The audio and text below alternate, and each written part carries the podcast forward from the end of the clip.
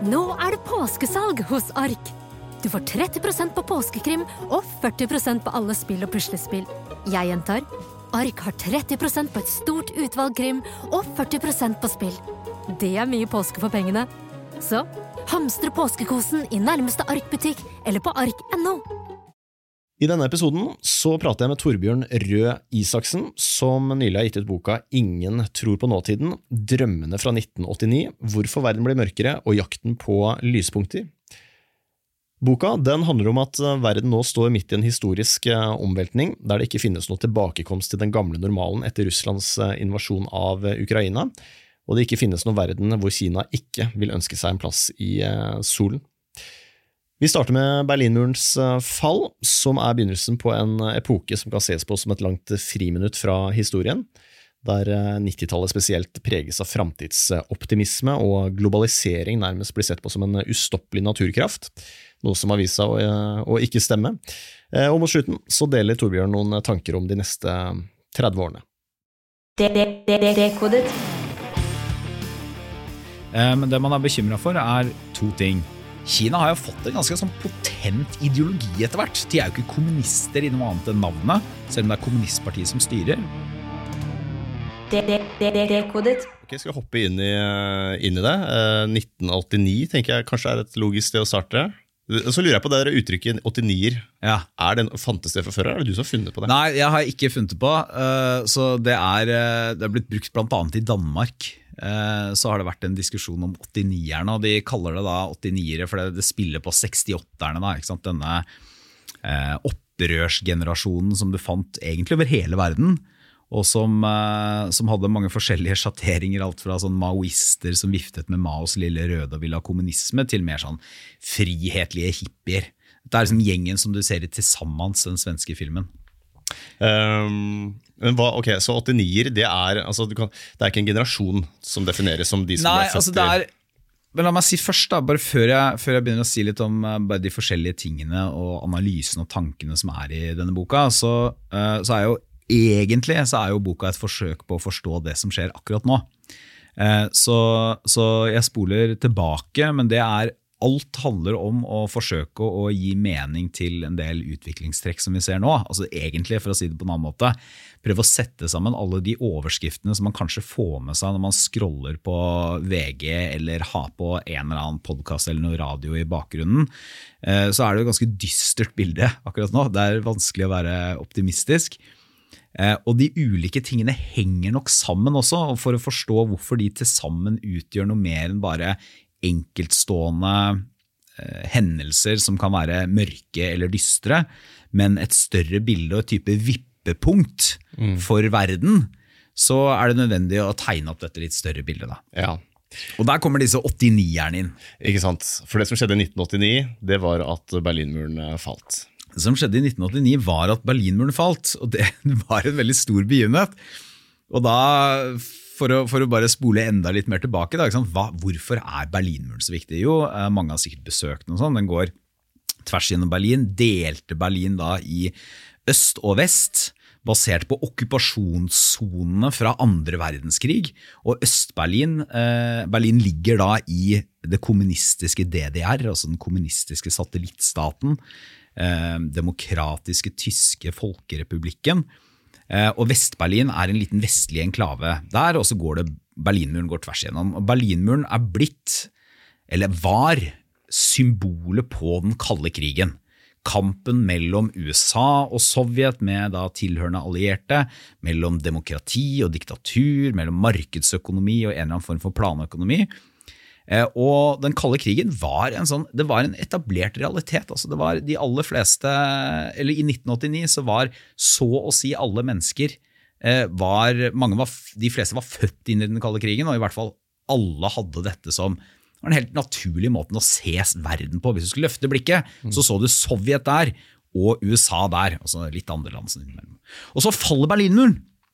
Og Berlinmuren faller da, altså ikke bokstavelig talt at den plutselig ramler ned, men, eh, men egentlig ved et arbeidsuhell så blir det gitt en beskjed om at Øst-Berlin, altså de som lever under kommunistisk diktatur, de kan få lov til å reise over til Vest-Berlin. og folkemengder strømmer ut i gatene, og Berlinmuren faller da billedlig talt. Og det blir slutten på den kalde krigen. Mm. Eh, fordi Sovjetunionen blir borte et par år etter. Og så blir det starten på noe nytt. Starten på en æra, en epoke, som sannsynligvis har vart, i hvert fall har kastet sin glans helt frem til vår tid. Ikke sant? Og ikke bare slutten på den kalde krigen, også slutten på historien. har en forfatter som har skrevet. Ikke sant? Det, det, var, det, var, jo veldig mange som forsøkte å forklare hva er det som skjer nå. da? Fordi en så omkalfattende endring, og til og med en endring som eh, på mange måter kan du si at det er, det er andre verdenskrig som slutter i, eh, i 1989. Men ikke bare, det, er veldig mange som forsøker å forstå hva som skjer. Og, uh, uh, og, på mange måter så kan du si at det er ikke bare den kalde krigen som slutter, det er egentlig liksom første og andre verdenskrig. Hele dette urolige århundret slutter i 1989. Mm. Og Da er det en amerikansk statsviter som heter Francis Fukuyama, som skrev et veldig berømt essay. Um, som het The End of History, som han senere utdypet i en bok da, som het The End of History and The Last Man. Som høres ut som en sånn på overflaten høres det ut som en sånn Ulrik fra parterapi-resonnement. Sånn, nå er historien slutt, nå er det ikke noe mer å gjøre, bare gå videre. Ja vel, da bare slutter vi. Men poenget hans er egentlig, for å si det litt enkelt, det er at uh, de vest, den vestlige modellen har vunnet. Ja. Demokrati har vunnet over diktatur, markedsøkonomi har vunnet over planøkonomi. Vi, fra nå av så er det bare ett show i byen, og det er det showet som vi har det er liksom the only game in town. Ja, ikke sant? Så verden går fra en multipolar verden til en unipolar, som du skriver i boka, tror jeg. Altså Det er Vesten plutselig som er ene ja, Plutselig så er det bare vi som står igjen. ikke sant? Ja. Så Den store ideologiske, økonomiske, militære konkurrenten, hele konflikten som har definert etterkrigstiden, den er over. Ja. Og da starter egentlig, egentlig, det som er eh, min historie. Da. Og det er hvordan disse fire tiårene, tre-fire tiårene fram til i dag har, eh, når vi ser tilbake, har lagt grunnlaget for at vi blir mer overrasket og er mindre forberedt på den urolige og vanskelige og dessverre da, litt dystre verden som vi er på full fart inn i. Ja, for Vi som har vokst opp på 90-tallet og 2000-tallet, vi har sett på det som en normaltilstand, og så ser man nå i retrospekt at det kanskje var et friminutt. Ja, det er det. jeg bruker det friminuttbegrepet. Jeg sier at dette er friminutt fra historien. Og hvorfor skjer det? Jo, øh, kanskje litt med det du sa innledningsvis, da, at det sjelden man tar av seg disse eh, sånn hverdagsbrillene sine eller tillater seg å løfte blikket og se på de lange linjene. og sånn de aller fleste av oss orienterer oss jo uh, basert på den hverdagen vi er i til vanlig. Og ta, ta et eksempel som jeg ikke bruker i boken, da, men um, Norge som et lite land i Nato, nabo med Russland, har jo alltid hatt et veldig stort russlandsmiljø. På 90-tallet og utover så blir det blir veldig utrendy. De var, de var, kongene i sikkerhetspolitikken og i akademia og i utenrikstjeneste og sånn under den kalde krigen, for da var det Russland og Sovjet det handlet om. Og så blir det veldig utrendy sånn russisk kunnskap. altså Alt det vi har bygget hele, mm. hele på mange måter liksom systemet vårt rundt, det blir litt sånn utdatert. For Russland er jo nå det er et svært land, og det er, det er et til tider ustabilt land, men det utgjør jo ikke noe trussel, tenker man på noe som helst måte. Så Det er liksom den ene siden av det. Men den andre siden av det er jo at dette er jo også en periode hvor, eh, hvor, eh, hvor veldig mange av altså For samfunnet har endret seg ganske grunnleggende sammenlignet med på 50-, og 60- og 70-tallet. Så, så 90-tallet er mye mer individualistisk. Det er eh, en periode hvor både økonomisk og sosialt så slår liksom frihetsverdiene gjennom i stadig større grad. Mm. Så staten trekker seg tilbake fra økonomien, og eh, det blir mer akseptert å være homofil. da for å ta liksom to, to, eksempler. Eller at eh, man ikke gifter seg, man er samboer. Eller, altså, den type normer er også i endring. Og Samtidig så er det en veldig optimistisk periode. Og det er jo ikke så fryktelig rart, fordi man har jo akkurat i Vesten opplevd at våre ideer vinner. Det var vi som vant den kalde krigen. Og det er veldig lett å tenke at det er, eh, det, det er slik det måtte gå, fordi vår pakke er så mye bedre enn alle andres.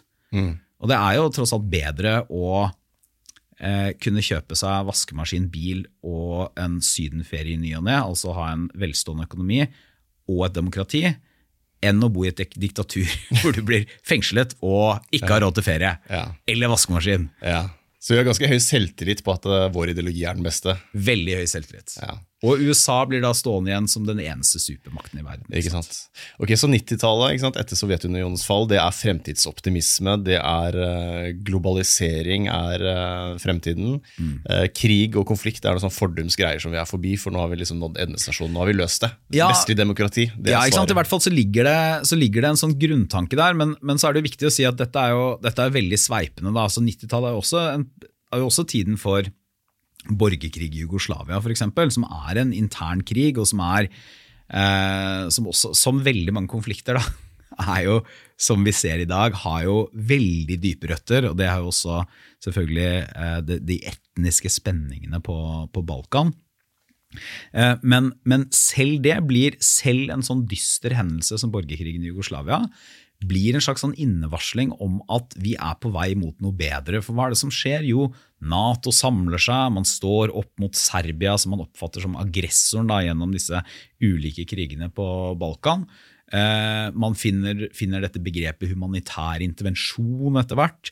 Så, så tanken er veldig tydelig at vi skal klare, eller vi har klart å bygge en verden hvor eh, det kan kanskje bli konflikt og borgerkriger, men, men en eller annen overordnet form for fred og en mer fredeligere verden er sannsynligvis noe vi er på vei mot. Okay. Ikke bare er vi på vei mot det, men kanskje til og med så er det sånn at det må gå den veien. Ja. Det blir en slags sånn lovmessighet i det. Ja, sånn naturlov, liksom. Globalisering skjer av seg selv, den, om man vil eller ikke. For, for eksempel at, at globalisering, som jo da er at varer og tjenester og mennesker og sånn flyr over landegrensene. Mm. Et typisk eksempel er eh, En ting er sånn iPhonen som jeg har liggende oppe her, som er produsert i Kina, amerikansk selskap. Typisk lange Produktene settes sammen ulike steder, og så går de over landegrensene. Men noe annet er jo sånn eh, eh, friår for å dra til Bali og så backpacke rundt i verden. Mm. Ja, ikke sant? Det er også en del av globaliseringen. Eller har man, ja. sørkoreansk k-pop som slår igjennom Ja. i Vesten. Det er også globalisering. Og så har du Russland eh, parallelt, altså Boris Jeltsin som prøver å implementere vestlig ideologi, og det går ikke så bra, da, ikke sant? for en vanlige vanlig russer får det jo verre på 90-tallet, hvis jeg har lest meg opp riktig. Ja, og det, det er jo litt sånn eh, Det er jo egentlig der vi begynner å se kimene til noe som eh, noe som vi um, ser i full utfoldelse nå. Fordi uh, samtidig som da Vesten er veldig tydelig på uh, optimisme, fremskritt og at verden går i riktig retning, og at det vil den fortsette å gjøre. Vi er, fordi vi er en opplyst tid, vi er, så, vi er kloke, smarte, rasjonelle, så ser vi på en del eh, ting som verden, menneskene alltid har stritt med. Krig, eh, nasjonalisme, eller i hvert fall eh, en sånn skadelig nasjonalisme, som fenomener som etter hvert vil legges bak oss. Litt spissformulert, men allikevel. Samtidig så er jo det da frigjorte i hermetegn Russland, som nå har kastet kommunismens åk, der er jo 90-tallet et forferdelig tiår. Eh, forferdelig tiår. ikke sant? Det er, eh, det er et forsøk på å reformere denne veldig statiske, mastodontiske eh, økonomien. Det går veldig dårlig. Det er alle de oligarkene som man snakker om nå, altså rike russere som plukker opp statseide selskaper på billigsalg. Det er utstrakt kriminalitet. Levealderen går ned, alkoholismen går opp. Og, og Russland den jevne russer kjenner på en form for ydmykelse, og Boris Jeltsin eh, vinner jo valgene, men det er delvis fordi han får vestlig støtte, men også fordi at det er, det er ikke noe så mange andre politiske alternativer der eh, for den jevne russer. Eh, samtidig så eh, i et annet land som vi snakker mye om for tiden, nemlig Kina, så er jo 90-tallet en fremgangsperiode. Så Kina liberaliserer økonomien sin, kaster vekk også da mye sånn gammel planøkonomi og, og, og kommunistisk måte å styre økonomien på. Eh, og da kommer det en veldig sterk tanke i Vesten eh, om at når Kina liberaliserer økonomien sin, så vil det også bety at Kina beveger seg mot en type rettsstat og demokrati. Altså at, eh, at Kina er på vei mot å bli som oss. Og det er noe av nøkkelen også i deler av forståelsen av Russland, at Russland er på vei mot å bli som oss. Det er, det er ambisjonen og drømmen, og det virker veldig realistisk. Og det er, eh, det er kanskje kjernen i denne eh, vestlige, liberale utviklingsoptimismen. Det er at alle land ønsker, og med tiden også vil, hvis de tar de riktige valgene, bli som oss. Altså demokratier og markedsøkonomier. Skjønner. Ok, så, ja? Så, ja, På 90-tallet ligger Russland brakk, mens Kina er i vekst. Men man ser ikke på Kina som en sånn sikkerhetspolitisk trussel ennå. Man ser på det mer som en mulighet, kanskje. Ja, definitivt. Ja. Eh, Man ser på det som, eh, som i høyeste grad en mulighet, og deler av det det er jo ikke sånn at, altså det ikke sånn at vestlige politikere er, er helt idioter. Så de, de skjønner jo at det kan, ulike ting kan skje. Men f.eks. under Bill Clinton, da, så eh, Bill Clinton, eh, president i USA, mest kjent Nå jeg det sikkert best for disse for Monica Lewinsky og det som, det som vi nå kan kalle metoo-saker, eh, Ja. men som den gang ble sett på som sånn amerikansk puritanisme, særlig i Europa. da. Eh, Men Bill Clinton var veldig opptatt av å få Kina inn i de internasjonale systemene, f.eks. i Verdens handelsorganisasjon. Og det var, det var viktig å si at det var veldig gode grunner til det. Et land som er på vei opp, du vil jo gjerne ha dem ved bordet, da, fordi at da har du bedre kontakt med dem.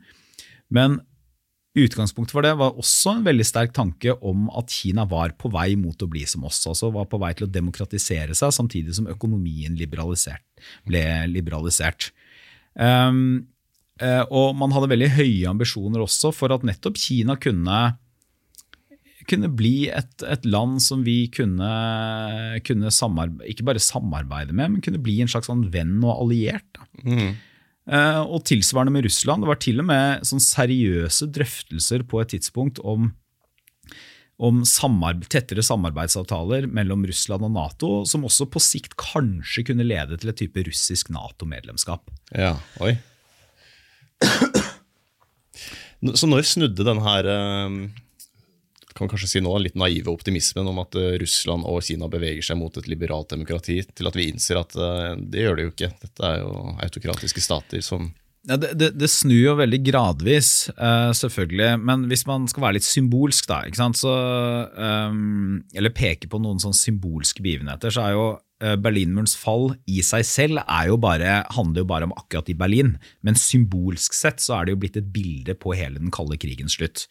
Uh, og da vil jeg si at det tilsvarende bildet på denne, dette friminuttet fra historiens slutt er nok da Russland invaderte fullskala invasjonen av Ukraina i fe eh, Ja. februar 2022. Ikke sant? Så dette friminuttet var fra 1990 til, eller 1991 til 2022, kan man si. Ja, I hvert fall, så, i hvert fall så, så dør da den siste resten av glansen fra 1989. Altså de Ja. siste solstrålene. Så, så det, er en, det er en begivenhet som endrer måten ikke bare vestlige politikere for, og, og, eh, som har skjønt det egentlig over en periode, men også hvordan vestlig opinion, altså hvordan vi ser på verden, endrer seg nok ganske dramatisk da. Og det blir nok det første, tror jeg i hvert fall, for veldig mange så blir det første tidspunktet hvor hvor man skjønner at det kommer ikke til å gå over. Ikke sant? Altså, eh, og det, det, jeg husker jeg leste et leserinnlegg i Aftenposten eh, par, tre, fire uker etter invasjonen av Ukraina, hvor, det var, hvor de spurte da eh, altså En ting var at de mente at dette hadde kommet veldig overraskende på, og veldig liksom, sjokkerende, og det var det jo for mange. Men hvor noe av poenget var eh, om vi, når vi ville komme tilbake til normalen. Mm. Og da med normalen så tenker vi jo da på et eller annet sånt før pandemien. Altså fred, sikkerhet, stabilitet, en økonomi som kanskje kan svinge litt, men som jevnt over går ganske bra. Hvor vi egentlig ikke frykter krig og uro for vår egen del. Altså Vi vet at det foregår i andre deler av verden, men vi er ikke genuint redde for at dette skal komme til oss. Den normalen kommer vi ikke tilbake til. Akkurat denne erkjennelsen der hadde jo jeg òg, det tror jeg mange har hatt. Så det er veldig Ja. interessant. For jeg var jo barn på 90-tallet, du var Ja. kanskje litt eldre ungdom. Men det, har- det har jo bare vært oppgangstider. Ja. Økonomiske oppgangstider. Krig er noe, sånn der, det er noe som skjer langt der borte. Ja, ja. Eh, Så kulminerte det da i en eller annen dårlig bitcoin-investering for meg i 2017. Ikke sant? Ja. Masse risiko, null problem. Ja, ja. Og så skjønner man nå at verden er ikke så bestandig som man trodde før. da. Ting eh, kan faktisk endre seg jævlig fort. da. Ja, og ting kan endre seg veldig fort, og så, og så vil man jo se selvfølgelig da at uh, det har jo ikke egentlig endret seg fort, men dette er jo mer sånn sant? sånn Ja. uh, Dette er jo mer uh, ja, Hva skal man sammenligne det med? Altså, det er litt som sånn når du heller ut, Hvis du heller ut maling på et ark, så tar det, det tar litt tid før hele arket blir farget av maling. Så det, det vil fortsatt en, en, en stund etterpå så vil det være litt hvitt igjen. Mm. men, men ubønnhørlig så farger jo den malingen hele arket, da, hvis Ja. du heller på riktig måte. Eh, og jeg tror veldig mange har hatt, har hatt den erkjennelsen, og veldig mange har da eh, sånn følt på en type usikkerhet og utrygghet som er veldig uvanlig egentlig for, for, for de siste to generasjonene. Altså det, du kan finne folk som, som husker Cuba-krisen, som er sånn, eh, på begynnelsen av 60-tallet, som var kanskje det nærmeste USA og Sovjet kom en reell krigsstart. I hvert fall var det det verden tenkte pga. plassering av, nei, av uh, russiske, uh, sovjetiske missiler på Cuba. Men det er veldig lenge siden. Mm, det er veldig Ja. lenge siden. Så, så, så, og, og så er det selvfølgelig en type utrygghet. Altså, jeg med flere, eh, hele Norge, tror jeg kjente på en type utrygghet 22. juli. Jeg husker veldig godt da 11. september, altså terrorangrepet på New York. Eh, Da følte jeg også på en type utrygghet. Sånn det, det, det var veldig dramatisk. Men den dempet seg jo. Ja, Etter hvert- sant? Nå, var det en terrorusikkerhet som vi i mange år har levd med. Ja. Eh, men det var, det var fortsatt en begrenset sånn Det var en frykt for at terroren kunne ramme, Mm. men ikke for denne store, fremmede tanken om, om Nei. krig. Men nå er det jo ikke, nå er det viktig å si da, at det er, ikke, det er ikke krig som er det mest sannsynlige altså Det er ikke sånn at vi, vi, vi egentlig tror at russerne skal stå på grensa eh, eller skal liksom komme til Oslo om et halvt år. Men det vi, det vi ser, er at hele verden kommer til å bli, eller er blitt mer utrygg, mer ustabil. Ja, Det er en erkjennelse at verden blir jo aldri som før, kanskje. Blir aldri som før. Ja. Det, det har den heller aldri, aldri vært, vært en situasjon situasjon hvor den har vært som før. Men uh, det Mulig det her er et lite sidespor, men jeg tror kanskje det er relevant. Men uh, litt sånn interessant hvordan samtiden også påvirker f.eks. ungdomskultur. da, for altså Vi som øh, vokste opp på 90-tallet, vi hadde jo kanskje ikke noe sånn større mening eller noe å kjempe for. Så så jeg en dokumentar om noen som prøvde å arrangere Woodstock-festivalen på nytt på Ja. 90-tallet. ikke sant? Love, peace, uh, sex, uh, freedom. Ja. Uh, og i 1969 så vet du åssen det gikk. ikke sant? Det, gikk jo, det var jo peace and love. Og i 19, jeg lurer på om det var i 1999 så ble det det totale anarki. da. Eh, og det handla litt om at eh, arrangørene liksom, det var dårlige fasiliteter og de mangla vann, og sånn, så det ble mye irritasjon. Litt som Fire-festivalen. Ja, litt som Fire, men det endte jo da i, det endte i masseslagsmål og voldtekter, og det endte med at hele, hele festivalområdet tok fyr. Jeg tror Red Hot Chili Peppers sto på scenen der, så begynte det å brenne på scenen, så var det bare helt apokalypse. da. Ja. Eh, men det er jo samme, ikke sant? budskapet var jo det samme. Peace and love. Det funka i 1969, Ja. men i 99 så gikk det helt til helvete. Kan det ha noe med at det er noe sånn jeg vet ikke, uforløst energi? da, Så, altså, At det er noe, man mangler noe overordna å kjempe for? så man, Jo, men jeg tror, jeg tror nettopp uh, jeg, jeg tror det er et veldig viktig poeng. Uh, og det er, det er også fordi at, uh, som jeg også er inne på i boken, da, at 90-tallet er også tiden hvor, liksom, hvor på, tanken er at alle de store, gamle ideene de er døde. Så kommunismen den er helt ute på historiens skraphaug. Eh, I eh, nasjonalisme, altså sånn gammeldags nasjonalisme, virker også veldig sånn absurd, og særlig for, særlig for liksom den delen av befolkningen som da kan forholde seg til verden. Da. En mer språkmektig generasjon som eh, mer naturlig enn noen annen generasjon før kan bevege seg ut i verden, og ikke bare da til Kjøben en helg, men, men ut i verden for å se og oppleve og suge inn. Så virker det, det som en veldig utdatert idé.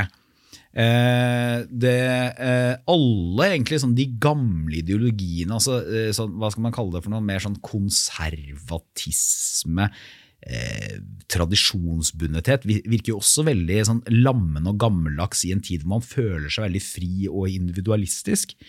Eh, og det, og det, det, er veldig typisk tror jeg, for en slags sånn tidsånd på 90-tallet. og for øvrig, det, det, er en digresjon som er for lang å gå inn i, da, men du ser det også i Dette er jo postmodernismens fremvekst, ikke sant? Eh, som er en og Postmodernismens eh, kjerne er jo egentlig at de store historienes tid er forbi. Du må liksom ja. bore i historien, du må dekonstruere dem.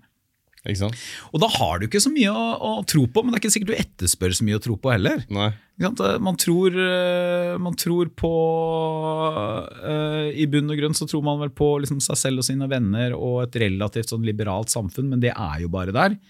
Men, men, noe av nøkkelen er jo å forstå at også de tingene man ikke tror at man behøver å forholde seg til aktivt, vil på et eller annet punkt kunne bli tatt fra deg. Ja. Dette livet som er bekymringsløst, og som man kan leve fordi at alt er på plass, er ikke noe selvfølge. Nei, men, men hvordan forholder vi oss til det? da? Vi, forhold, vi, hører om det på sånn 17. mai-taler, når elevrådslederen på skolen skal si noe. Så hører vi om sånn Vi må ikke ta demokratiet for gitt, og vi må aldri glemme 9. april 1940 og sånn. Det føles jo ikke levende for noen. Nei, det gjør ikke det. Det er interessant, og Jo eldre jeg blir, jo nærmere føles andre verdenskrig i tid. Det sånn, ja, og det, det, er det, er jo, det, er jo, en veldig viktig og veldig naturlig ting eh, for mennesker, da, som er ja. veldig bra, tror jeg. At vi skjønner at uh, um, 20 år eller 70 år er ikke så veldig lang tid, eller 75. Nei, ikke sant. Men jeg tror at det, at det påvirker ungdomskulturen nå. Det, tror jeg nok, men ikke bare dette som store sikkerhets eller den sikkerhetspolitiske usikkerheten, da, men også, også en ny type økonomisk usikkerhet, f.eks. Altså vi er vi, I Norge særlig, da, eh, dette har vært litt annerledes i andre land, men i Norge særlig så er vi jo vokst opp med at i bunn og grunn så får folk bedre og bedre råd. Mm. Og Økonomien går framover. Vi har hatt noen sånn små knekker, men de har ikke vært veldig store. Eh, og det har vært ganske, Vi har hatt lave renter veldig lenge, og alle generasjoner har egentlig kunnet forvente at de får det bedre enn sine foreldre.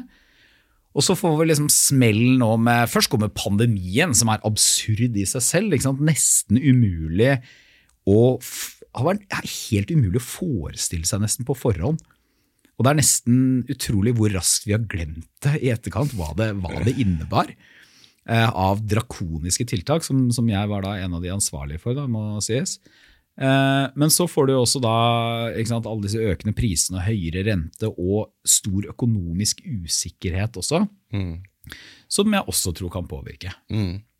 Ja, altså, Under pandemien så ser man også at staten det er ikke bare en sånn um velferdsprodusent, Nei. lurer jeg på om du skrev i boka. Ja, men man, ja. man, man, opplever det som faktisk at staten har maktmonopol. da. Første gang, ikke sant? Det er litt sånn, ja. Og det er, det, det, Jeg, jeg syns det er utrolig eh, både viktig og fascinerende. Da, for det, i Norge, så Hvis du sier staten til folk i Norge, så tenker vi jo tenker vi på det? Vi tenker kanskje litt på som, eh, skole. Ok, Nå er det kommunene som driver de, men liksom staten i stort. sånn Skole og sykehus og kulturtilbud og Nationaltheatret eller Den nasjonale scene eller Nav eller noe sånt. Og så glemmer vi at kjernen i staten er at den har monopol på vold. Eh, altså staten er, eh, staten er i bunn og grunn der for å opprettholde orden i samfunnet. Og Det settes veldig sjelden på spissen. Du, mm. du, du, kan se det, Vi ser jo politifolk og vi vet vi har et forsvar, og sånn, men under pandemien så settes jo det på spissen. Fordi at staten kommanderer deg til å ikke ha flere gjester i bakgården din eller hjemme hos deg, stenger skolene, stenger arbeidsplassen, altså bruker makten sin på en ekstremt synlig måte. Eh, da av hensyn til en eller annen overhengende fare, da, som, som, det nok må sies i etterkant at eh, eh, den så jo enda verre ut enn den ble. Altså Pandemien, koronaen, var alvorlig, men den var jo scenarioene da Norge ble stengt ned, var jo enda mye verre enn det det viste seg å være. Mm. Men det, det, er også en sånn eh, påminnelse om at vi har lett å liksom lulle seg inn i behagelige forestillinger om hvordan verden er. Ikke sant? Og det, altså Denne balansen mellom makt og marked er jo kanskje også litt i endring nå. ikke sant? Så På 90-tallet var det jo lite stat, eller opplevdes i hvert fall sånn. da. Mm. Også blant partier på venstresiden så var det vel uh, mer markedsliberalisme enn det hadde vært på 80-tallet også. ikke sant? Ja. Og så er vi kanskje i en tid hvor det endres litt. I hvert fall, uh, hvert fall i Russland og Kina da, så har jo staten en veldig stor plass. plutselig. Ja, Russland og Kina har en veldig stor plass, men, men, uh, men også i alle alle vestlige land. Eh, og, eh, og, delvis så handler det nok om dette helt grunnleggende som vi snakket om nå. Altså at man, man, eh, man endrer litt synet på hva staten egentlig i bunn og grunn er. Hvis du ser på, disse, ser på sånn, den, den veldig, sånn, veldig liberal, liberalistiske amerikanske høyresiden, det er en, sånn, en som heter Grover Nordquist, som var en sånn skatt ja, minimalstatsadvokat i USA. Han sa at staten måtte være liten nok til å kunne druknes i badekaret. Uh, og, det, og hele, hele, kjernen der er jo egentlig at staten er et problem, staten er i veien for utviklingen. Og så vil du I en norsk kontekst så har du veldig få som er så langt ute til det liberalistiske høyre. Men allikevel så er det en sånn fellesnevner fra 80-tallet og gjennom 90-tallet. Det er at staten må ryddes litt bort. Ja.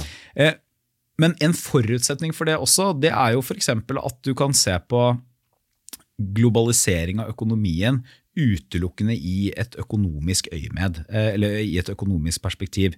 Så f.eks. hvis du skal si at eh, vi må kunne handle med alle land i verden, og handel er jo bra, for det, det, tjener vi på begge to. Og det gjør vi faktisk med en handel. Eh, så er det jo bare bra at vi eh, importerer iPhones fra Kina, eller eh, mineraler fra Kina, eller gass fra Russland. Nå har ikke vi gjort det, men Europa har gjort det. Fordi at dette er transaksjoner, økonomiske transaksjoner som vi tjener på. Men i det øyeblikket eh, spørsmålet blir jo, men hvis Russland kan skru opp strømprisen i Europa ved å skru av gassen sin, eller i praksis destabilisere Europa, da, vi jo, da er vi jo eh, ekstremt avhengige på en dårlig måte av Russland. Mm. Hvis Kina gjennom å kontrollere ressurser vi trenger, eller avgjørende produkter vi trenger, også kan eh, gjøre oss mer sårbare, så får det plutselig en helt annen valør. Og Det er det som har skjedd med økonomien nå. Det er ikke at vi tror at vi ikke tjener på handel lenger, for det, det gjør vi, og helt åpenbart. Men det er at vi ser at handel er ikke noe som foregår der borte, og så er alle de andre hensynene våre, som sikkerhet, da, Nei. Eh, et annet sted. De henger sammen. Så når, vi, når USA har solgt avanserte mikrochips til USA, som de jo har gjort, og sagt til Kina, litt forenklet, dere kan få kjøpe disse avanserte mikrochipsene, mm. altså halvledere, og, uh, men lov å ikke bruke dem til militære formål. Mm. Uh, og så har Kina brukt dem til militære formål, og Tralle Sundberg kopiert og sånn. Ja. Så, så, sier det Det er egentlig essensen av endringen. Nå sier selvfølgelig USA vi kommer ikke til å selge dere dette lenger. Men det skjedde bare for, uh, skjedde under Joe Biden. Ja, det er ikke sant, som å se på handel plutselig med sikkerhetspolitiske briller. da, ikke sant? Ja, og, ja ja. kan si det. Det er ikke bare men det er, det, det er for, det, men det er igjen tilbake til at det Hvis, hvis staten altså Det aller mest grunnleggende i et samfunn som vi, vi har ikke behøvd å tenke over det engang, men det aller mest grunnleggende i samfunn er jo samfunnets egen sikkerhet og trygghet. Mm. Hvis staten, hvis Norge ikke lenger kan garantere at vi er et fritt land og kan beholde vår levemåte og vår levevei og våre institusjoner, så svikter staten i det aller, aller, aller mest fundamentale. Mm. Det er noe helt annet enn om eh, sykehuskøene blir litt lengre, eller det er hull i veiene, eller ja. elevene får for dårlig undervisning i skolen. I skolen. Det er det helt basale.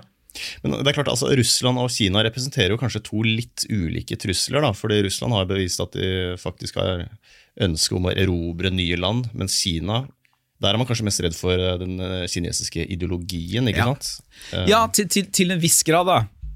Eh, så, så, så vi, er ikke, vi, er jo ikke, bekymra for at Kina altså det, det, Både USA og Nato og EU da, kaller jo ikke Kina en fiende. De sier at de er en type strategisk konkurrent, eller adversary er et ord som ofte brukes. og det er hva er det for noe? Det er ikke en fiende, men er en type en motpart, motstander. Ja.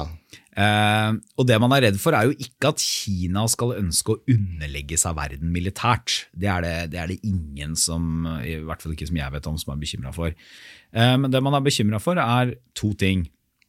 Det ene er at eh, Kina har jo fått en ganske sånn potent ideologi etter hvert. De er jo ikke kommunister i noe annet enn navnet, selv om det er kommunistpartiet som styrer. Men kinesisk ideologi den handler om orden, fellesskap framfor individ. Og så handler den internasjonalt om at land må få lov til å bestemme selv, ikke bli kjefta på av Vesten og USA for å si det veldig enkelt. Og Det betyr bl.a. at hvis du har lyst til å være et eh, diktatur og fengsle opposisjonen din, eller du har lyst til å eh, gå til krig mot eh, etniske minoriteter og sånn, så er det, det er på en måte din business. Ja. Det skal ikke andre land eh, blande seg inn i. Eh, og det, Selv om Kina også av og til kan si at ja, det, vi syns det er dumt, eller dere må vise måtehold, eller noe sånt.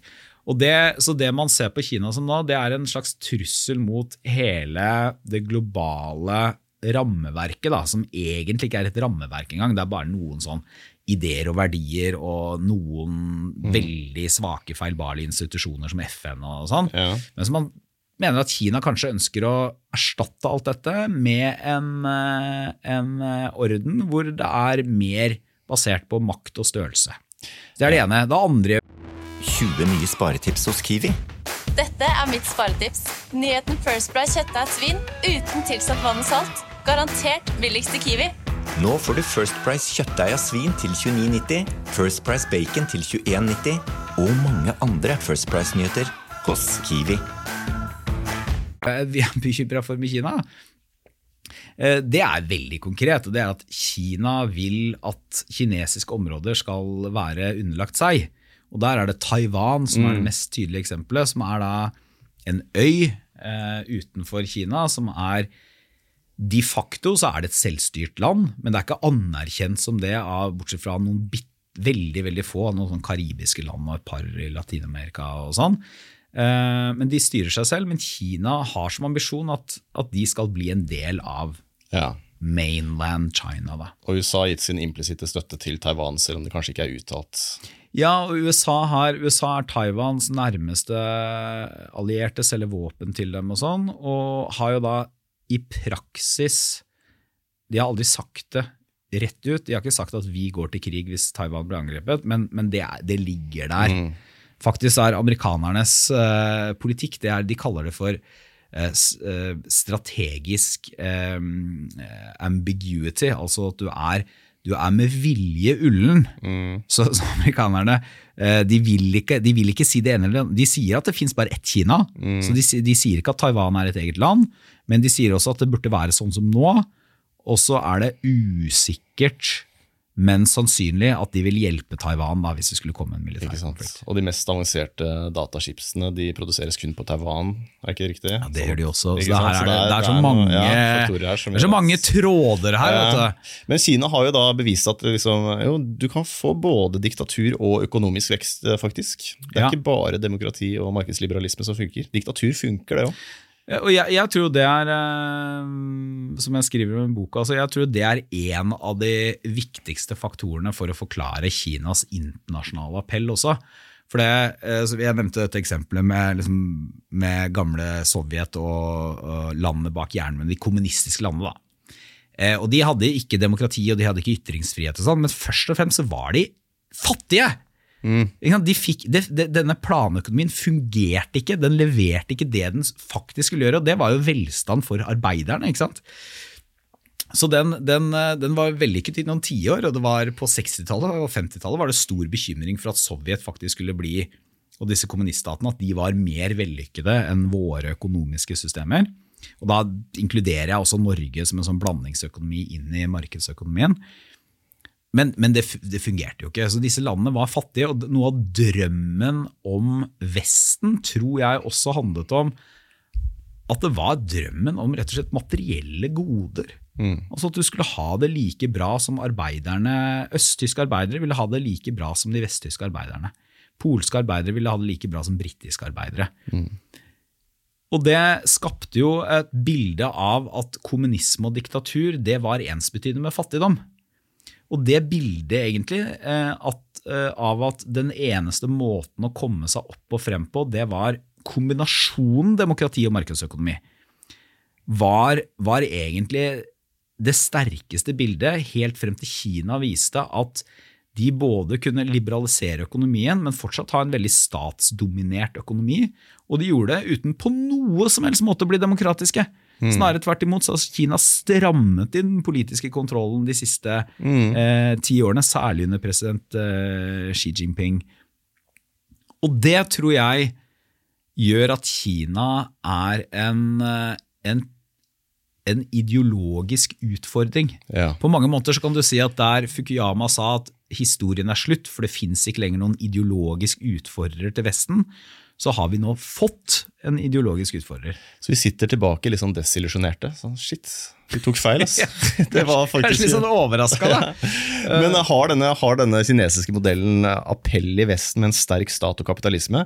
Uh, Ja, ja. Men nå er det viktig å si at Kina har jo ikke kapitalisme som sådan. Da, ikke sant? Så, det, så det Mange trodde også at Kina ville få en eller annen markedsøkonomi, og så ville de fortsette å være et, eh, et diktatur, som de jo er, eller i hvert fall et autoritært styre. Da. Det er jo eh, det er jo ikke bare én, eller nå er det jo i praksis én mann på toppen også, men, eh, men at, at det vil ikke holde på sikt. Men så ser du at Kina har laget mer av en sånn type hybridøkonomi. Altså det er, en, det er sterke private innslag, og det er jo store private selskaper og børsnoterte selskaper også, men, men politikken infiltrerer alt. ja. Så Huawei det er et eh, privat selskap, men i praksis så er det statseid. Ja, ja altså det er ikke, ikke noe, altså, men det er i hvert fall statskontrollert. Okay. Og det er ingen økonomiske eliter. Det ser du f.eks.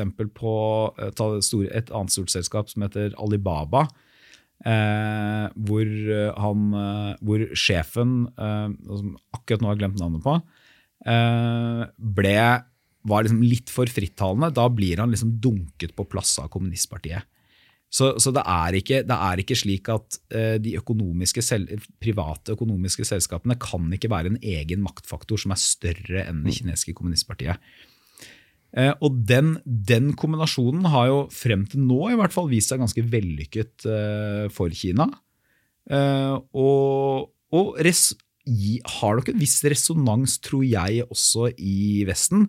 La meg ta et eksempel. Hvis du husker under pandemien, da alle land drev og, sånn, Storbritannia, USA og Frankrike og delvis Norge også drev og liksom knota med hva skulle vi gjøre, og vi skulle få fulle, vi fikk fulle sykehus, og hva skulle vi finne på? Så smalt kineserne opp et nytt sykehus på hva var det for noe? To uker, Ja, det eller det var kanskje ikke så mye engang. Og da, da, det ble et sånt bilde, eh, bilde av at Kina får dette til. Mm. Og til og med så var det jo sånn at Kina på et eller annet punkt begynte å sende bi, altså nødhjelp, nesten. Eh, Blant annet til Norge også. De sendte oss utstyr som gaver. Ja. Fordi Kina, Kinas system med deres verdier om orden, fellesskap, ikke politisk fragmentering som de kaotiske demokratiene, de håndterte pandemien bra. Eh, mens våre samfunn var jo bare kaotiske. Så tok det ikke så lang tid før det ble av, altså det, det, det viste seg at den kinesiske metoden funket jo ikke veldig bra. Nei. Fordi at Kina måtte på et eller annet punkt slippe opp, og de holdt på dette altfor lenge. Ja. Holdt på restriksjonene altfor altfor lenge. Ja, det gjorde det. Ja, det var interessant. Liksom? Kinesisk effektivitet møtte da vestlig byråkrati og Ja, treghetsprosesser. Og det, og det, tror, jeg er en, det tror jeg har en, en ganske stor appell, og jeg tror at eh, noe av det man ser altså Det er ikke sånn at vestlige politikere er inspirert direkte på den måten av Kina, men noe av det man ser f.eks. Eh, når i Vesten, flere vestlige land nå er mer opptatt av sånn staten må planlegge for lengre perioder, vi må satse massivt på bestemte industrier, vi må drive mer aktiv nærings- og industripolitikk. Mye av det er delvis i hvert fall et svar på det som har skjedd i Kina. Ja. Men bare for å finne essensen her, hva er det vi egentlig er redde for med den, eh, med den kinesiske ideologien? Er det at demokratiet vårt skal forvitre, og at flere og flere her i Vesten skal begynne å tenke som kinesere med en sterkere stat? Og, det det er eller, eller, er det, eller er det at eh, den vestlige marked, eh, den demokratiske eh, markedsliberalisme skal, skal få, mindre dominans globalt? da? Ja. Det er to måter å se det på. Jeg mener Ingen av delene er helt feil. Begge, begge to har noe riktig i seg. Den, den ene mer sånn kyniske måten å se det på er jo at eh, USA og USAs allierte, inkludert oss, er redde for vår posisjon i verden. Altså USA har vært den eneste dominerende supermakten eh, i, i fire tiårene. Uh, og er bekymret for hva som skjer hvis det kommer en sterk konkurrent. Så Det er den kyniske måten å se det på. Uh, den, uh, den, mindre kyniske og mer sånn idealistiske måten å se det på er jo at vi også da er bekymret for det vi litt sånn løselig kan kalle våre verdier, da, på en eller annen måte. Altså at vi mener jo, og det mener jeg også, selv om jeg syns at vi noen ganger er vi er både naive og litt for prekete Eh, når vi skal snakke om disse tingene for resten av verden. Og vi har litt for lett for å tenke at våre verdier er universelle verdier. Eh, og det er det nok ikke de facto, selv om vi har en menneskerettighetserklæring og sånn. Så er det jo allikevel gode ting. Er, vi mener jo, jeg mener, at det er, det er bedre med et samfunn hvor folk er med på å bestemme, enn at noen få bestemmer alt. Det er bedre med et samfunn hvor du har eh, en viss rettssikkerhet enn at du kan bli arrestert uten lov og dom. Det er bedre med et samfunn hvor, eh, hvor folk kan være med å stemme ved frie valg, enn at opposisjonen undertrykkes.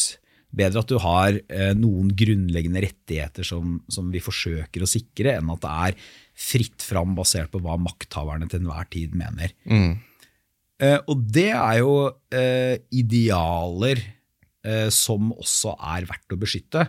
Men så kan man si at i ytterste forstand da, så ønsker vi jo å beskytte det for oss selv. Det er kanskje der det, det Vi ønsker det for hele verden. eh, i en eller annen forstand, men, men, først og fremst så ønsker vi å beskytte det for oss selv. Hva er, hva er, det vi da er bekymret for helt konkret? Jo, og dette er bare understreke at dette er nå bare tenke, dette er bare liksom høyttenkning. Dette er ikke nødvendigvis det mest realistiske scenarioet. Eh, Kina har blitt en nær alliert av Russland. De har på mange måter blitt presset tettere sammen av eh, invasjonen i Ukraina. Det ble tydeligere at Kina og Russland er, er på lag, på en måte. Eh, så kan du koble på land som Venezuela, Iran, Nord-Korea, som også er der ute på et eller annet punkt. Hva er utfordringen for Norge? Jo, f.eks. så kan det være at hvis, hvis Europa blir mer fragmentert, altså eh, svekkes. USA på sikt eh, trekker seg mer ut fra å eh, beskytte europeisk sikkerhet. Så kan det hende at vi i praksis ikke får noen mulighet til å velge vår egen utenrikspolitikk, f.eks. Ja. Vi, vi, vi, vi, kan ikke gjøre som vi måtte ønske. Eh, vi kan havne i en situasjon altså det, Dette er bare sånn marerittscenario. Lenge før du kommer til en krig. En situasjon som den Finland levde under i mange år, som hvor, hvor jo finsk politikk de facto alltid måtte forholde seg til hva Sovjet ønsket. Mm. Og så kan du ta det enda et steg lenger, og jeg tror ikke det, er, det, det blir mer sånn science fiction. Men det er jo eh, i en sånn situasjon, hvor stor reell mulighet har du til å velge hvem som skal styre i et land? da? Mm. Eh, eh, og så har du liksom det aller mest alvorlige scenarioet. Det er jo hvis vi skulle havne i en krigssituasjon ja. på en eller annen måte. Ikke sant. Så er det nye allianser plutselig vi står imot. da. Ja, og så er det jo ikke sikkert eh, så det, det, Alt dette løser seg jo bra, hvis, eller det løser seg ikke bra, men det blir jo mindre alvorlig, eller i hvert fall lettere å håndtere hvis vi har en allianse i ryggen. Ja, og at eh, artikkel 5 faktisk eh, gjelder. Nettopp, men det er jo heller ikke noe vi kan ta for gitt på samme måte som tidligere. Nei, i hvert fall ikke med Donald Trumps siste uttalelser, kanskje. Så ta, ta, ta, et lite eksempel på, på Kina. Altså, vi, vi ga jo en liten forsmak, da vi ga jo fredsprisen til Liu Xiaobo, eh, en kinesisk dissident. Det gjorde at kineserne ble rasende eh, og satte Norge i fryseboksen i jeg husker ikke om det var fem eller seks eller syv år. eller noe sånt. Eh, norske bedrifter mistet muligheten til å komme eller i hvert fall man prøvde å begrense muligheten til å komme inn i Kina. Men det begrenset jo også hva i, i praksis gjorde det også at Norge måtte føre en mye mer forsiktig utenrikspolitikk opp mot Kina. Og så kan du tenke, Hvorfor er det så innmari alvorlig for folk flest på gata i Norge? Eh, nei, det, det, i seg selv er ikke så fryktelig alvorlig for folk flest sitt hverdagsliv. Mm. Men på sikt så er det vanskelig. Mm. Eh, En tredje innfallsvinkel da, eh, det, er jo, det skal man være veldig forsiktig med. For det er så lett å tenke at fordi det finnes noen historiske paralleller, så, eh, så blir det sånn en gang til. Men historien repeterer seg aldri, den gjentar seg aldri. Men det er, det allikevel interessant å, å se på f.eks. da Nå har vi kommet så langt uten at noen har nevnt Hitler, så da kan jeg gjøre det. da. Ikke sant? Å se på hvordan, hvordan europeiske land veldig lenge tror, etter da Hitler kommer til makten i 33, tror at hvis vi bare gir Hitler litt til, så, så vil vi finne en eller annen stabil ordning. Så han må bare få litt mer gjennomslag der, og så ender det jo til slutt med dette eh, München-forliket, hvor Tyskland i praksis da får Tsjekkoslovakia, for det har Hitler krevd, og den britiske statsministeren sier at dette vil innebære fred i vår tid. Men det, ikke, det er jo ikke det som har skjedd. Det som har skjedd er bare at Hitler har fått bekreftet sitt verdensbilde, som er at hvis han presser på, så vil de vestlige landene gi etter. Det vil si at da kan han presse enda mer på. Ja. Fordi han har en stor plan, og det er å skaffe, skaffe Lebensraum i øst. Som ikke handler om at han bare skal fortsette å uh, rusle og tusle inn i en eller annen felles forståelse og fredsavtale med Storbritannia og Frankrike. Det, er, det er bare verdt å ha i bakhodet som en sånn påminnelse om at de som var politikere da, var ikke, var ikke noe mer idioter eller dummere enn de som er politikere nå. Men dette så de ikke. Det er bare vi som sitter med fasiten i ettertid. Vi vet hvordan det gikk, og det var noen få som så det. Churchill, eh, Ragnar Wold, som var sånn Dagbladet-journalist, en del i arbeiderbevegelsen, Karl Joakim Hambro. Kan man trekke en parallell til eh, Putin og Russland derfra? Det kanskje, men vi vet jo ikke. Vi, vi, så vi vet jo ikke eh, hva som eh, foregår i Putins hode. Vi, vi vet ikke 100% sikkert om det Russland sier. da. Det de sier er sånn Vi står med ryggen mot veggen. eh, Vi tok Ukraina, eller vi måtte gå til invasjon, altså invasjon, invadere Ukraina. En ting er alt det sprøyt om at det er liksom styrt av nazister. altså Det er jo helt åpenbart bare mm. wild rambling. Eh, Men det de, bruker, det de prøver å plante, er en historie om at dette er fordi Nato ekspanderer for mye, og for å stoppe denne Nato-ekspansjonen så måtte vi liksom sette foten ned på et eller annet punkt. Og, og da var Ukraina der vi gjorde det. Men den andre varianten er jo at Russland eh, og Putin ser dette i et perspektiv som ikke handler om år, men århundrer. Russland er en stormakt. Det er russisktalende minoriteter i mange land i Øst-Europa. Russland, at Russland nå er degradert til det det har vært de siste 40 årene, det er et historisk unntak. Det er deres friminutt fra historien. Russland skal tilbake som en stor, stormakt som også dominerer, i hvert fall har betydelig innflytelse i en sfære rundt seg, som også handler om da det, eh, russisk storhet, men også om russisk eh, oppfattet sikkerhet. Og da er vi jo mye Ja, ikke sant? Eh, Da er det mye vanskeligere. Da er det vanskeligere. Og altså, narrative fortellingen i Russland og Kina er jo at Vesten er dekadent og i forfall og i oppløsning. Ja. Og Vestens tid er uh, forbi. Ja. Og så er det denne idékrigen som du var litt inne på tidligere. Da, med, og Der viser kanskje litt sånn vestlig hybris da, at uh, menneskerettigheter og liberale verdier det er universelle verdier. Tenker vi jo, da. Ja. Og så viser det seg at det er jo, altså flertallet av befolkningen på kloden her er vel kanskje religiøse. Ja, altså kan det jo fint være altså det det, De vestlige ideene om menneskerettighetene har jo veldig dypt religiøst opphav. altså Kristendommen har påvirket dem veldig, veldig fundamentalt. Men, men det er viktig å skille mellom to ting. For det ene er å si at sånn moralsk sett så mener jeg at alle mennesker har noen grunnleggende rettigheter. Og det, det mener jeg. Eh, Jeg mener at eh, grov tortur er feil uansett. Det finnes ikke noen kulturelle begrunnelser for det. og det vi har ikke tid til å snakke om hvorfor det er sånn. Det er ikke sikkert eh, det, det, det er ikke sikkert det er sikkert hvorfor det er sånn heller. Men den andre tingen er jo hvis den moralske overbevisningen blir til en analyse som gjør at man bare antar at alle mennesker i verden streber mot å bli som Vesten. Og Problemet er at da glemmer man at veldig mye av det som beveger mennesker, land, samfunn, det er ting som, eh, som i hvert fall de mest liberale intellektuelle elitene i Vesten har hatt en tendens til å avfeie som gammeldags, og som noe vi snart er forbi.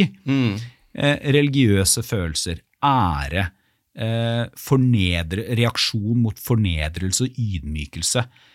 Nasjonal stolthet. Bare, bare det å skjønne hvor, hvor stor kraft som ligger i en tanke om nasjonal stolthet, det å ofre seg, for noe større og forstå at det er ikke noe som plutselig dukker opp i enkeltperioder i, når gale diktatorer som Hitler får makten, det er sannsynligvis noe som ligger dypt i mennesket, fordi vi søker mot en type fellesskap og bekreftelse, og, og kanskje også en høyere himmel over det vi holder på med til daglig. Da.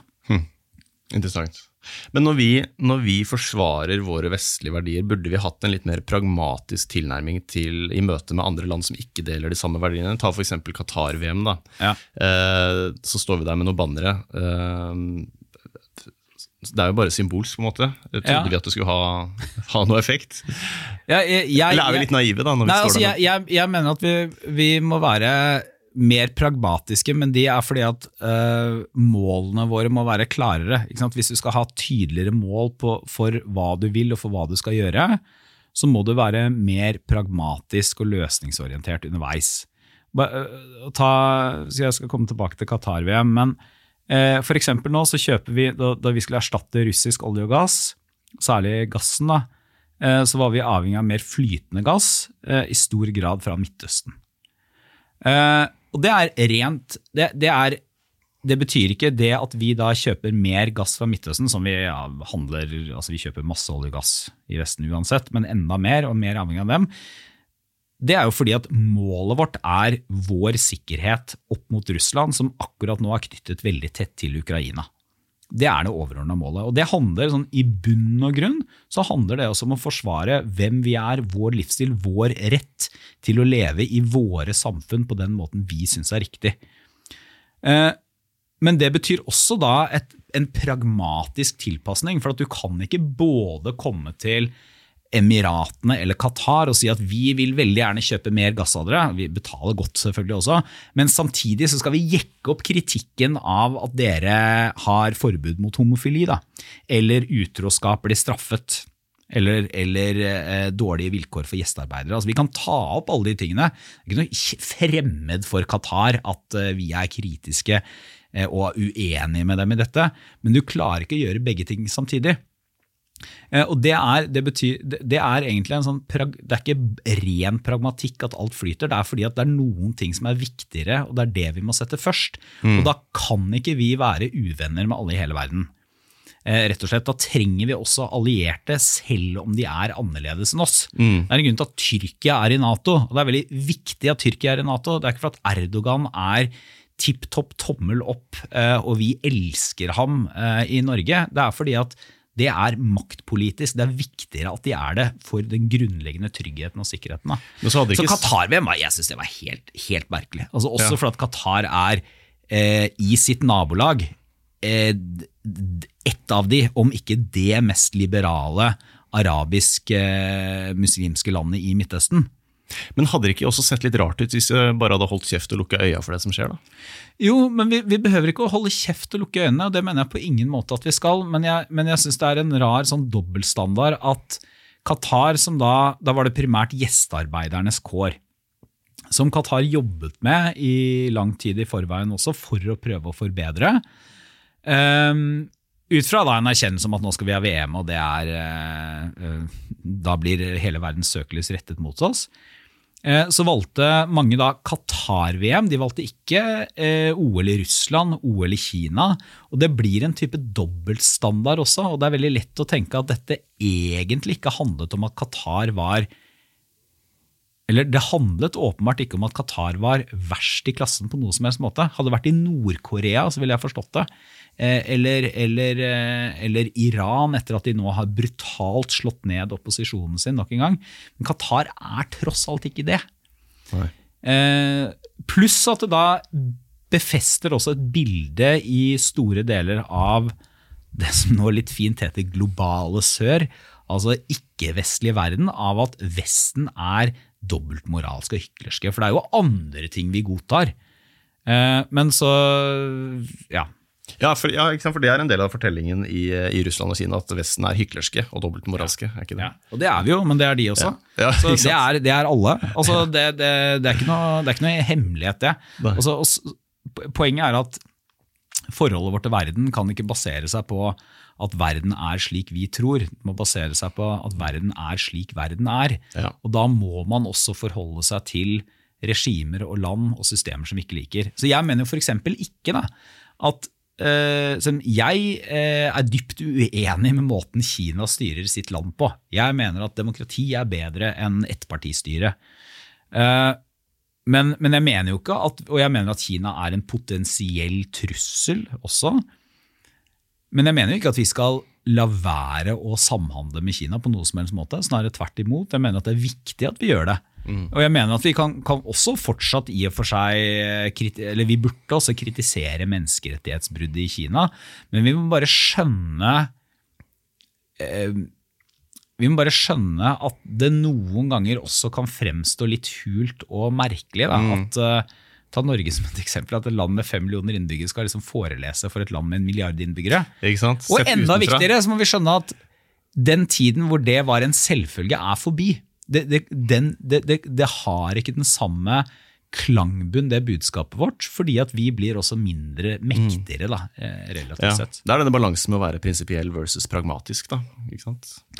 Ja, eller, eh, eller, eh, eller så, så, så er det jo sånn at det er, det er veldig vanskelig altså Hvis du har en god politikk i teorien som ikke fungerer i praksis, har du da en god politikk? Så det er klart det er, noe, det er noen prinsipielle ting som ikke vi kan eh, kompromisse med, men, men tross alt så må du også gå inn i verden slik den er med de prinsippene. da. La oss se litt eh, fremover, da. For jeg har eh, for første gang i livet plutselig tenkt at det er ikke gitt at Norge er et liberalt demokrati om 90 år. Nei. Nei, det er ikke Og det er for sikkert gitt. Ja, nei, det er ikke gitt. Jeg tror kanskje det, men Ja. eh, det er ikke gitt. Nei. Uh, hva tror du skjer neste La oss si 30 åra? 90-åra, Jeg skal 90-åra. slippe å si Ja. Du skal slippe å ta den, men 30, da. Altså jeg, jeg, jeg, kan jo ta det litt hjem, da, nå har vi snakket veldig mye om der ute, men mye av denne boka handler jo også om hva som skjer innad i de vestlige demokratiene. Uh, og en type sånn demokratisk forvitring uh, og tendens til økende polarisering og sånn. Så jeg Um, jeg tror det aller viktigste Jeg tror det kan gå bra for Norge, altså, men det er en forskjell på om det går bra, eller om vi bra sånn vi har vært vant til at det går bra, eller om vi må bli et slags sånn Sveits med oljepenger eh, for å klare oss fint.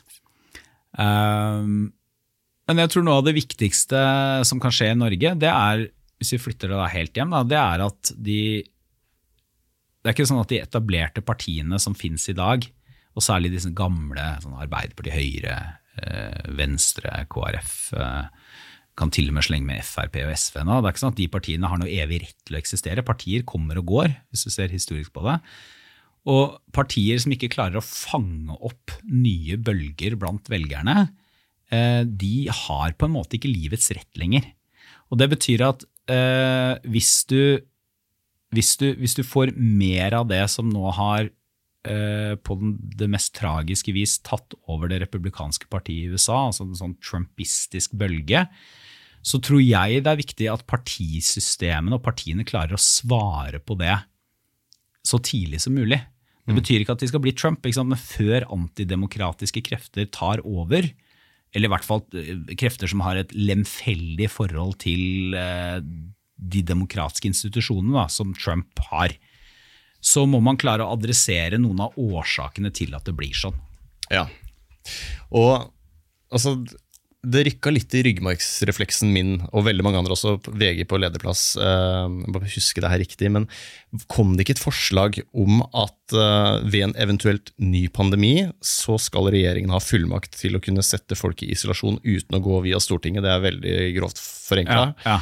Eh, Ja, noe, det- noe sånt. Noe sånt. Ja, Ja. Jeg, så, jeg så den altså nå, uh, altså jeg, jeg må innrømme at jeg gikk ikke inn i den saken. Eh, men sånn som jeg forsto det, men da må jeg ta et forbehold om at jeg så, var, så var det også sånn at deler av denne fullmakten i dag den, den lå der, men i dag ligger den i Folkehelseinstituttet. ja. Eh, men så skulle man flytte den over til regjeringen, eh, men uten at det måtte da ekstra, altså eh, måtte eget stortingsvedtak til. Ja, ikke sant? Så ting er litt sånn mer nyansert enn det Ja. som fremstilles. selvfølgelig. Men allikevel så var det et eller annet med at det bryter med noen sånne grunnleggende demokratiske prinsipper da, som jeg tror at, gjorde at mange reagerte, da, og at Ja. eh, VG valgte å skrive det. Det var, det var en veldig, det var i hvert fall en, eh, en veldig, sånn, veldig sunn diskusjon. Da. Mm. Og jeg synes at eh, i alle, i alle diskusjoner hvor staten skal ta mer makt, eh, så, så skal det rykke i alle sånne rettsstatsreflekser. Noen ganger så vil det være riktig at staten får, eller regjeringen får en type makt. Eh, men eh, viktig å ha diskusjonene, da. Mm. Men jeg, gikk, jeg må innrømme at jeg, jeg la den litt bort, Ja. den saken der, i, blant mange andre Ja, ting. Men, hva, tro- hvordan tror du vi kommer til å leve side om side med disse nye stormaktene? Kina eller Russland er kanskje ikke en stormakt ennå. Det er en tomakt i hvert fall. Men Ja, eh, ja. hvordan, eh, hvordan skal vi klare å leve eh, Vesten versus eh, Østen her de neste åra? Hvordan skal den balansen fungere? Ta et, ta et eh, min favorittkategori, nemlig optimistisk-realistisk. Eh, for det, Hvis du bare er optimist, det er liksom helt meningsløst. Det, det skjønner jeg ikke poenget med, egentlig. Så det må være liksom det mest optimistiske, men realistiske scenario. Og det er jo eh, altså Det aller mest optimistiske som, det, det er jo at det kommer et eller annet maktskifte i Russland, og de begynner å bevege seg mot et demokrati og sånn, men jeg tror ikke det er veldig realistisk. Så jeg tror et optimistisk, realistisk scenario det er at eh, vi klarer nå å fyre opp eh, våpenproduksjonen vår, vi fortsetter å støtte Ukraina. Ukraina holder på sin motstandskamp eh, i så stor grad at uh, det på et eller annet punkt kommer en slutt på denne krigen, som enten er at Russland blir slått, men det, det tror jeg er lite sannsynlig, men i hvert fall at det er en, en fred som ikke dikteres på russiske premisser. Ja. Ikke sant? Og Det betyr at Russ, eh, Ukraina vil ha, få betydelige konsesjoner. Eh, de eh, kanskje få tilbake landområdene sine. Eh, altså Jeg vet ikke, og det er til og med sånn at vi, vi burde være litt sånn varsomme med å spekulere med det, men en fred som også er eh, på Ukrainas premisser. Og da kan du få en situasjon hvor, hvor, hvor, hvor det er fortsatt sånn at relativt sett vil Vesten og USA bli mindre viktige Mm. i verden, men hvor vi eh, kan få et sånn godt arbeidsforhold. Da. Jeg klarer ikke å finne bedre ord på det. enn Det høres optimistisk ut, da. Jo, men det er liksom, det, det, det, hva er det jeg vil med, med, Ta med Kina, da, for eksempel. Eh, Hvis USA og Kina klarer å holde et så godt arbeid altså For det første altså god kontakt, at det ikke blir krig ved, u- ved et uhell over Taiwan. Og ha et arbeidsforhold hvor de f.eks. klarer å eh, legge noen føringer og bidra inn i klimakampen, mm. eller klima, altså omstillingen, så er det, det er jo det beste vi håper på. Da får du jo en eller annen form for stabilitet. da. Ja. ja, og Kinas mantra er vel at de ikke skal bry seg om andres anliggende. på en måte. De, de, Ja, men de gjør jo det også, ikke sant? ok. Så, så, men, eh, men, men vi kan leve med altså den konkurransen og spenningen tror jeg vi kan leve med. Det vi må, må forhindre, er jo at, at, det eskalerer til noe som blir en trussel og blir farlig. Men husk på at selv under denne kalde krigen, altså vi levde jo godt i Norge under den kalde krigen også. Eh, USA, vanlige amerikanere, mange av dem vil jo huske 50-, 60- og 70-tallet som gylne år. Kanskje ikke for svarte amerikanere i sørstatene, men eh, for mange andre. Så var det gylne år, god økonomisk vekst, fremgang. Eh, Det var Koreakrig og det kom en Vietnamkrig, men like fullt så var det i hvert fall i midten der. da. Du er, du er reinspikka optimist, du? Er dette, er dette noe særlig optimistisk? Da? Det er optimistisk realistisk. Ja, det er det vi streber mot. Da? Det, det, det er målet vårt. er ikke at vi skal grunnleggende endre hele verden, for det klarer vi ikke. Men at vi skal klare å, som Rodney King sa, uh, get along. Why can't we just all get along? Altså i hvert fall uh, kunne koeksistere.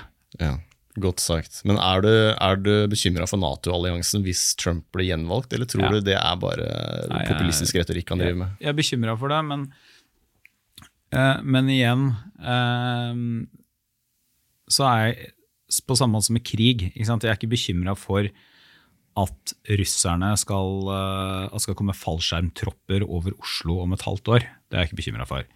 Jeg er heller ikke bekymra for at USA bare plutselig melder seg ut av Nato.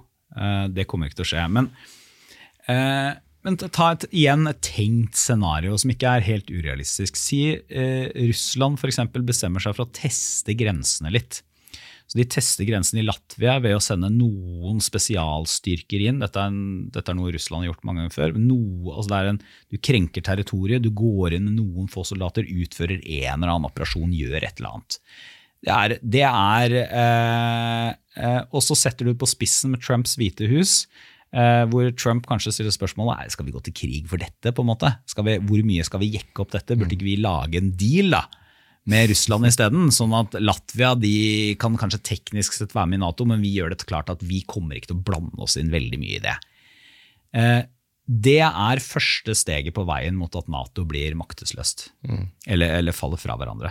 Så Det er mer den type ting jeg er bekymra for. Eller eh, ta et annet veldig realistisk scenario. Trump sier at Ukraina det er jo egentlig ikke vår kamp, eh, så jeg skrur ned kraftig og raskt støtten til Ukraina. Mm. Eh, Europa har i hvert fall ikke nå noen kapasitet eller vilje til å erstatte det amerikanske bidraget. Russland ruller inn over eh, Ukraina, tar stadig større deler av landet, lager en ydmykende fred med et eller annet sånt eh, eh marionetteregime som kanskje mm. får bli sittende igjen. Eh, og har fått bekreftet at hvis vi bare stiller makt bak våre krav, så, så kan vi, ja. da kan vi vinne ja. vinne frem. Og Poenget er at Russland vil fortsette med det. Det er ikke sånn at det slutter der. De vil fortsette ikke ved at de da går videre mot Paris, men ved at de fortsetter å pirke, finne mm. sprekker, forsøke å destabilisere. Og ikke minst den store drømmen til Putin. Det er jo hvis du får et USA som trekker seg bort fra europeisk sikkerhet, og hvis du i tillegg da får et Europa som fragmenteres, altså en rekke land som ikke snakker sammen, som holder på med mm. sitt, så er det jo Russland som vil være den dominerende makten. Ja. Så det er ikke et helt uh, usannsynlig scenario at Nato kan fragmenteres og det oppstår nye lokale allianser kanskje i Europa? Da. Det, er, Nei, det, er, det, er ikke et, det er ikke et usannsynlig scenario, men det er, det er heller ikke det mest sannsynlige scenario. Men poenget er at usikkerheten i seg selv får konsekvenser. Så bare det at, bare det at uh, Trump skaper usikkerhet rundt Nato, gjør gjør, helt uavhengig av alt annet, mm. at europeiske land må vurdere Oi, vi, har, vi, i Norge har bygget hele vår sikkerhetspolitikk rundt Nato og at amerikanerne skal komme. Altså ja. det, det, er vår sikkerhetspolitikk. Det at vi skal holde ut fram til Nato kommer. Ja. Hvis vi ikke kan stole 100% på det altså Husk på at sikkerhetspolitikk er, gir veldig lite rom for tvil. Fordi at konsekvensene er så enorme. Så hvis ikke vi kan stole 100% på det, ja, hva, hva, må vi gjøre da? Bygge opp et helt annet forsvar, da? Ja, og Derfor økes forsvarsbudsjettene for første gang på mange tiår. Ja, men de økes fortsatt for å, fordi at vi skal passe inn i Nato-forsvaret. Ja, ikke sant. Shit, lærerikt. Ingen tro på nåtiden, bortsett fra optimistrealisten Torbjørn. Eh, nei, jeg egentlig ikke, men uh, du, du, ba meg om å, opp, litt optimisme når ja. alle er pessimister, kan man jo ha. Ja, det var, det, det var der jeg trengte det. Veldig bra bok. Eh, anbefales 'Drømmen fra 1989', 'Hvorfor verden blir mørkere' og 'Jakten på lyspunkter'. Tusen takk for praten. Tusen takk. Det var eh, episode 82 det, med Torbjørn Røe Isaksen. og Hvis du likte den episoden, her, så er det veldig hyggelig hvis du, hvis du deler den på SoMe eller eh, tipser andre. Og videoutgaven av den podkasten finner du på YouTube. Link i bio.